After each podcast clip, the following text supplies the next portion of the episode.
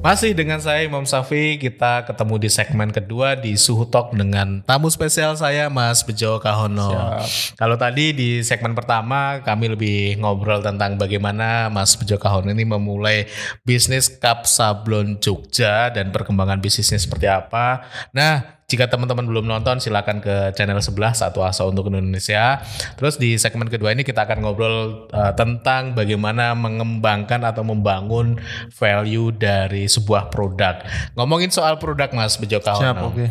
Eh, Mas Bejo ini kan bisnisnya packaging ya sebetulnya. Hmm, Bikin packing. bikin kemasan tapi lebih fokus pada minuman. Lebih fokus pada minuman. Nah pertanyaan saya ngomongin soal packaging nih Mas ya. Hmm.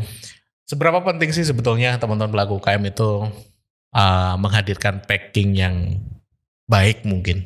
Oke. Eh, analogi sederhana yang Ah. bisa yang biasanya saya sampaikan ke teman-teman. Ah, Kalau kita beli es teh di angkringan itu Ah. kan harga tertinggi di angkringan berapa? 3000 paling. 3000 palingnya.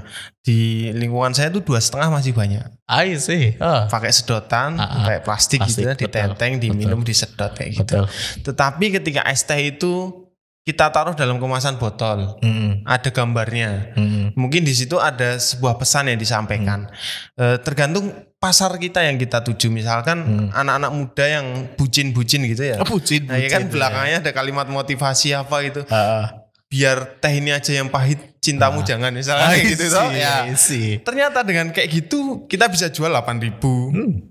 10 ribu mungkin 12 ribu kalau ukuran agak gede Hmm. kalau di mall berapa lagi Ah, ah. Starbucks bisa jual berapa lagi kayak gitu analogi sederhana itu membuat saya berpikir oh ternyata kemasan itu emang penting dan itu teman-teman harus pelajari juga ternyata memang kemasan itu sangat penting Mm, dari nilai visual aja itu sudah membuat orang tuh seneng gitu loh mm. kita beli es teh nggak ada mereknya itu kan mentok-mentok 3000 tadi Betul. tapi kalau udah ada merek, ada gambar, ada sesuatu yang bisa diungkapkan dari kemasan itu nilainya naik gitu. Hmm. Itu simpel aja. Jadi dari kemasan kita modal gini lah. Misalkan satu plastik yang buat nenteng di angkringan itu cuma 40 perak, kemasan 1000 mungkin kemasan Cup. dari kita cup itu 1000 udah include tutup misalkan dan Hmm. sebagainya pipet pipet atau sedotan Mm, itu dari harga yang harga jual 3000 jadi 8000 8.000. iya isinya sama kemasannya beda harganya beda gitu I see. kayak gitu analogi sederhananya saya angkat ke teman-teman dan para pelaku UMKM I see. untuk menggarisbawahi ternyata kemasan itu emang penting. Jadi pada dasarnya saat ini ngomongin kemasan tidak lagi terbatas sebagai wadah ya. ngomongin kemasan. Saya ingat betul waktu beli salah satu produk gitu ya, uh, keripik di pasar Kudian sana. Itu harga sekilonya berapa gitu. Ketika ada teman bikin uh, keripik dikemas bagus, 190 gramnya itu uh, kalau dikali lipatkan sekilonya ya, dia bisa uh, sekitar 10 uh, bahkan 15 kali lipat harga dari harga dasarnya. Nah, itu salah dari satu harga kiloannya hari harga kiloannya. Nah itu uh, salah satu kekuatan ketika teman-teman membangun sebuah apa ya menggunakan sebuah packaging sebetulnya. Nah ngomongin soal packing lagi Mas Bejo Kahono, ada nggak sih unsur-unsur yang perlu dibangun di sana perlu di perlu ada di sebuah kemasan itu? kalau bicara kemasan itu kita lihat juga pasar yang kita pengen bangun tadi Betul. Kalau pasarnya anak muda, berarti desain-desain konten yang kita sajikan ke mereka ya yang khasnya anak muda gitu. Dari kalimat-kalimat mungkin lebih pada seleng, selengean gitu ya. Tetapi ketika produk itu dibangun untuk pasar yang lebih mungkin se- seusia Mas Imam mungkin ya, Hmm. mungkin Kok lebih usia aku kok tua banget lah. Iya, lebih tua daripada saya. mungkin nah itu mungkin kan beda itu lebih pada motivasi mungkin Uh, dan sejauh ini yang saya lihat di pasarnya Kap Sablon ya kayak gitu Hmm. ketika mereka membidik pasar anak-anak muda kebanyakan kemasan bagian belakang sini tuh kalimatnya anak-anak muda hmm. yang berbau-bau cinta berbau apa ya plesetan-plesetan kata tetapi Oh, iya ketika kita sajikan untuk untuk mereka-mereka yang lebih usia lebih matang gitu Ah, ah. ya mungkin lebih pada motivasi Hmm. tetapi ada juga yang lebih penting dari kemasan itu Apa tuh? selain visual gambar, ternyata si kemasan itu kita harus tahu juga bahwasanya ketika kita membuat kemasan itu, kemasan itu mudah dibawa itu loh. Kan tren Ah. jual beli sekarang udah berubah. Betul. Mereka lebih suka pakai GoFood, GoFood. GrabFood, Betul. hingga akhirnya kita beli dari satu tempat dipindahkan ke tempat lain. Mm-mm. Percuma kalau kita udah memikirkan kemasan yang bagus, tetapi ternyata ketika dibawa Tumpah. nah, gitu ya. tumpah misalkan, ya nggak efektif juga. Jadi selain pada visual gambar tadi, harus kita pikirkan juga efektivitas dari si kemasan itu sangat menunjang ketika dibawa s- mobilitas apa enggak kayak gitu. Hmm. Itu dua yang dua hal itu. Terus habis itu kemasan itu Hmm. selain tadi kata-kata motivasi mungkin atau apa, kita juga bisa mengemas di situ tanggal kadaluarsa. I see. Gitu. Itu bagi teman-teman ada konsumennya Kap Sablon itu jualan Thai tea Mm-mm. tapi dititipkan di fotokopi. Oh, ini modelnya bisnisnya titip jual Iya, gitu. titip jual di fotokopi itu per Ah. bulan 15 ribu loh. Pi- Ini cup. Iya, Wow. Ngeri kayak kan? Ngeri, ngeri. dia nggak punya gerai. Ngeri.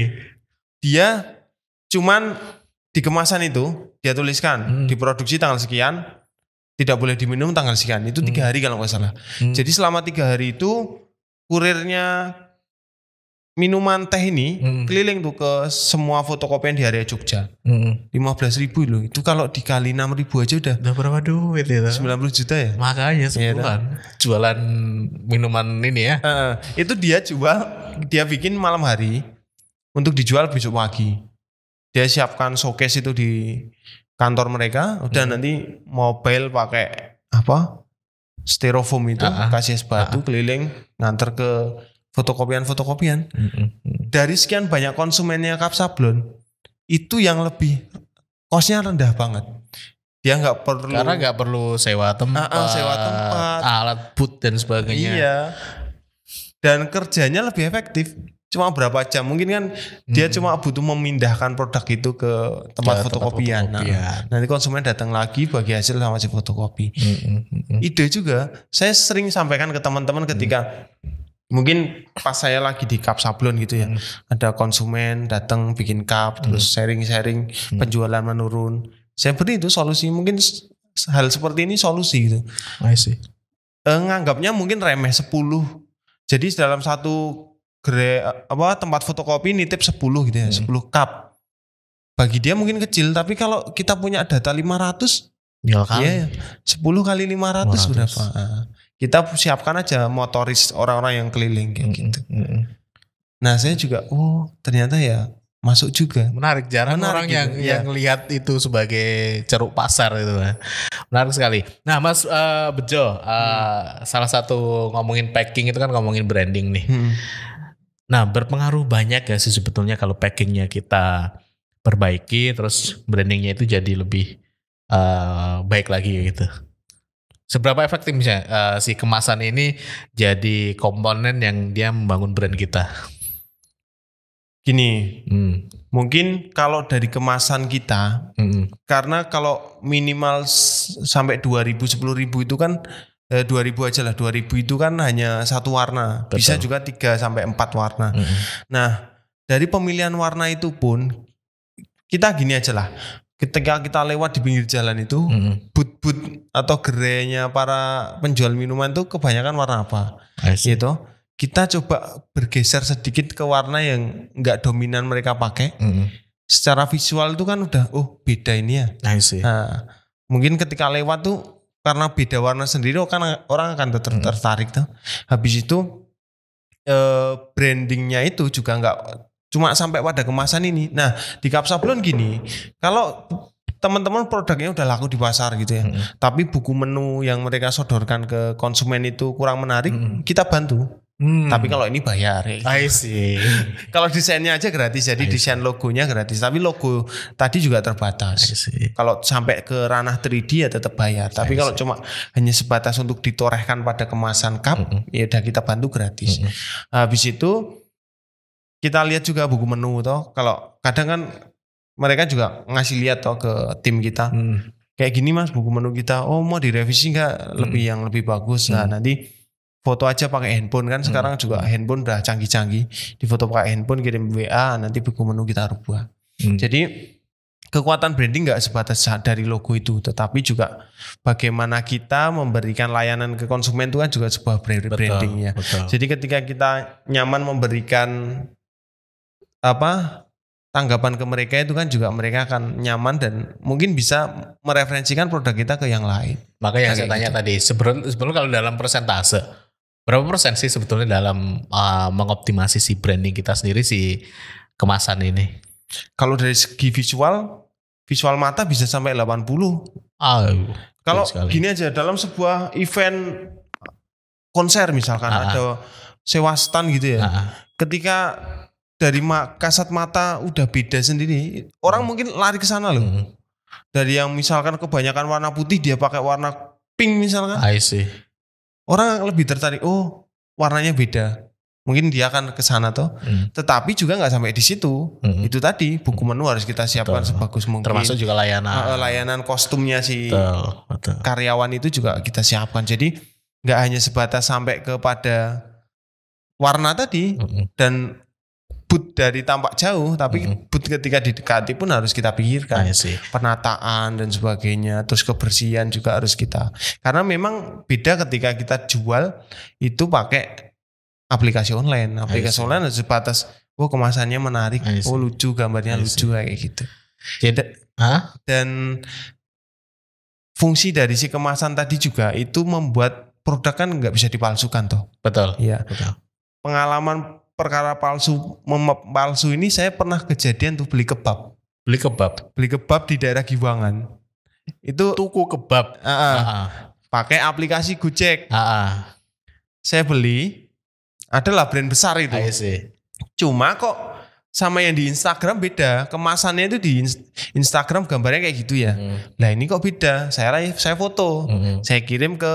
Instagramnya eh, Iya. Instagram produk itu Ah, ah, brandnya. dibales saya ditel, dimintain nomor handphone ditelepon nah ternyata si produk ini sudah dua bulan yang lalu putus kontrak Ah. Nah, tapi dia masih maksa jualan itu. Nggak tahu setelah saya komplain itu kayaknya ditutup. Saya ngelihatnya setelah saya gigit, saya makan, loh kok rasanya beda ya. nah, dari situ saya nge, saya cek Instagramnya, Heeh. lu kemasannya beda. Nah, ternyata memang itu sudah putus kontrak. Hmm. Nah, itu juga fungsi dari sebuah brand pada kemasan. I see. Nah, nggak nggak mudah dipalsukan. Nah, produk minuman ini gampang banget nyari bubuknya itu loh. Jadi betul. cari betul. perasa-perasanya itu mes- meskipun brandnya kemarin datang dari Jakarta, ya di Jogja ada gitu dan sama gitu. Hmm. Tapi kan ketika logo itu ditorehkan pada kemasan, orang udah percaya duluan. Betul. Meskipun belinya kemarin bubuknya nggak beli di Jakarta kan gitu. Betul. Betul. Nah itu juga fungsi dari sebuah logo Ah, pada logo. kemasan. Jadi nggak salah dong kalau teman-teman UKM kalau pengen membangun brand ini eh, salah satu ya salah satu langkah pertama yang harus diperbaiki adalah kemasannya. Yes betul sekali. Mm-mm. Dan kalau teman-teman mau eh, nyari nih eh, pengen punya bisnis minuman, pengen pesan ke Sablon Cup Jogja itu teman-teman dapat ngontak ke mana mas? Atau alamat IG atau Siap. ininya?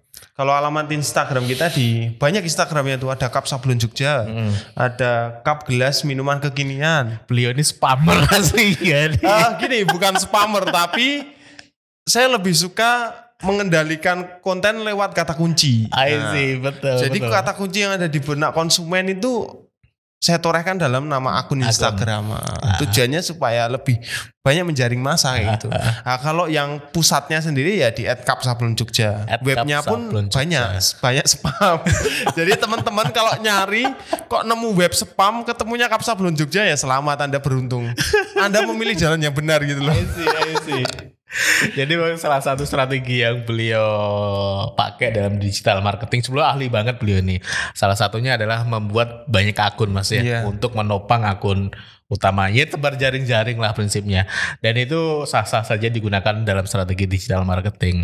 Tadi di @kapsablon Jogja ya. Siap, yes. Websitenya Websitenya lupa saya. Lupa. Sablon, sablon kaplastikmurah.com kalau nggak salah. sablon cup Plastikmurah.com. plastikmurah.com. Nah, itu- Wajang banget itu. Wes Ya. apa tapi kata kuncinya. Ya kata kuncinya. Ya itu tadi suka lebih suka spam. Tapi kalau bicara tentang kecepatan produksinya bisa di adulah sama pebisnis yang sama dengan produk Ah, yang lain. I see. Pokoknya di kita tiga hari lah, maksimal tiga hari. Mm-mm. Nah ini pertanyaan terakhir Mas Bejo Kahono.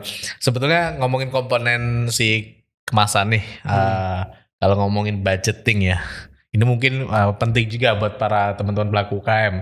Sebetulnya gawe packing sing apik kuwi mahal nggak sih sebetulnya? Nah kalau ngomongin eh, kasusnya cup sablon ini gimana Mas? Oke teman-teman, cup sablon ini sebenarnya solusi bagi teman-teman yang nggak siap bikin produk dengan jumlah massal yang Hmm. banyak. Hmm. Karena kalau teman-teman nuntut harus printing, Hmm. itu minimal 10.000 ribu. Hmm. 10.000 ribu kalau dikali 500 saja udah berapa? I see. Nah, di cup sablon itu dikerjakan dengan sistem sablon, bukan printing. Mm-mm. Jadi bisa satu warna, dua warna, tiga warna, empat warna bisa. Tetapi kalau empat warna jauh lebih mahal daripada yang satu warna. Nah, datangnya cup sablon ini memberikan solusi untuk low budget tadi. Hmm. Jadi biar teman-teman tetap mengutamakan brand, tapi dengan budget yang kecil gitu. loh. Hmm. Katakanlah dengan modal 400 ribu aja teman-teman sudah bisa menorehkan logo pada kemasan. Hmm. Itu kan nilai yang sangat kecil gitu loh. 400 ribu dapat 1000 Eh dapat 500 kalau dapat 500 500 500 cup itu kalau buat sekedar foto produk dan Hmm. sebagainya itu kan udah udah cukup lah gitu. I see Cuman teman-teman ya itu tadi pengen konsisten dengan gaya itu apa enggak itu. Mm-mm. Karena memang ada yang beberapa eh, UMKM tuh yang lebih bikin habis itu buat pemotretan Mm-mm. udah nanti jualan polos lagi ada Oh, juga kayak gitu? gitu iya karena mereka mungkin nggak berpikir kekuatan sebuah brand gitu akhirnya mereka cuman bikin misalkan sekali buat foto taruh di GrabFood GoFood Mm-mm. habis itu nggak bikin lagi ya ada juga kayak gitu padahal kalau kita ngomongin brand kan bisa jadi investasi jangka panjang yes. Dan kalau mau kita buka banyak cabang itu kan lebih mudah Ah, dengan iya, betika betul, ada betul. logo yang ditorehkan kan ya gitu. Betul betul. Nah, teman-teman berpikirnya panjang ke sana atau hanya sebatas yang penting dapat uang kayak gitu. I see. Yang penting dapat uang dan bisnisnya hanya segitu gitu kalau saya ya mending bisa next expand ke mana-mana Yes. dong Kalau bisa punya 14 cabang ngapain mikir satu cabang kan gitu. Oh ini, ini pola pemikiran usaha nih kayak gini nih. Kalau bisa dapat 10 ngapain kita uh, harus berkutat dengan satu gitu kan? I see. Nanti kan semakin banyaknya cabang kan juga semakin menguntungkan kita kan gitu. Betul. Jadi semakin mitranya tuh makin bau, bagus gitu loh. Betul, betul, betul. Oke, Mas Bejo Kahono, terima Siap. kasih atas uh, inspirasinya, tipsnya tentang bagaimana sih sebetulnya uh, kita bisa membangun sebuah produk uh, dengan value tertentu, terutama lewat sebuah kemasan ya. Bahwasanya teman-teman uh, produk yang sama itu bisa kita jual lebih mahal, lebih tinggi gitu ya nilainya hanya dengan mengubah kemasannya. Yes. Betul begitu Mas Bejo Betul ya. sekali. Oke, semoga video ini bermanfaat teman-teman. Jangan lupa teman-teman silakan klik tombol subscribe-nya ke channel Suhu TV. Jika teman-teman ingin menonton terus Suhu Talk, pastikan teman-teman juga mensubscribe channel Satu Asa untuk Indonesia. Saya Imam Safi, kita jumpa lagi di Suhu Talk berikutnya.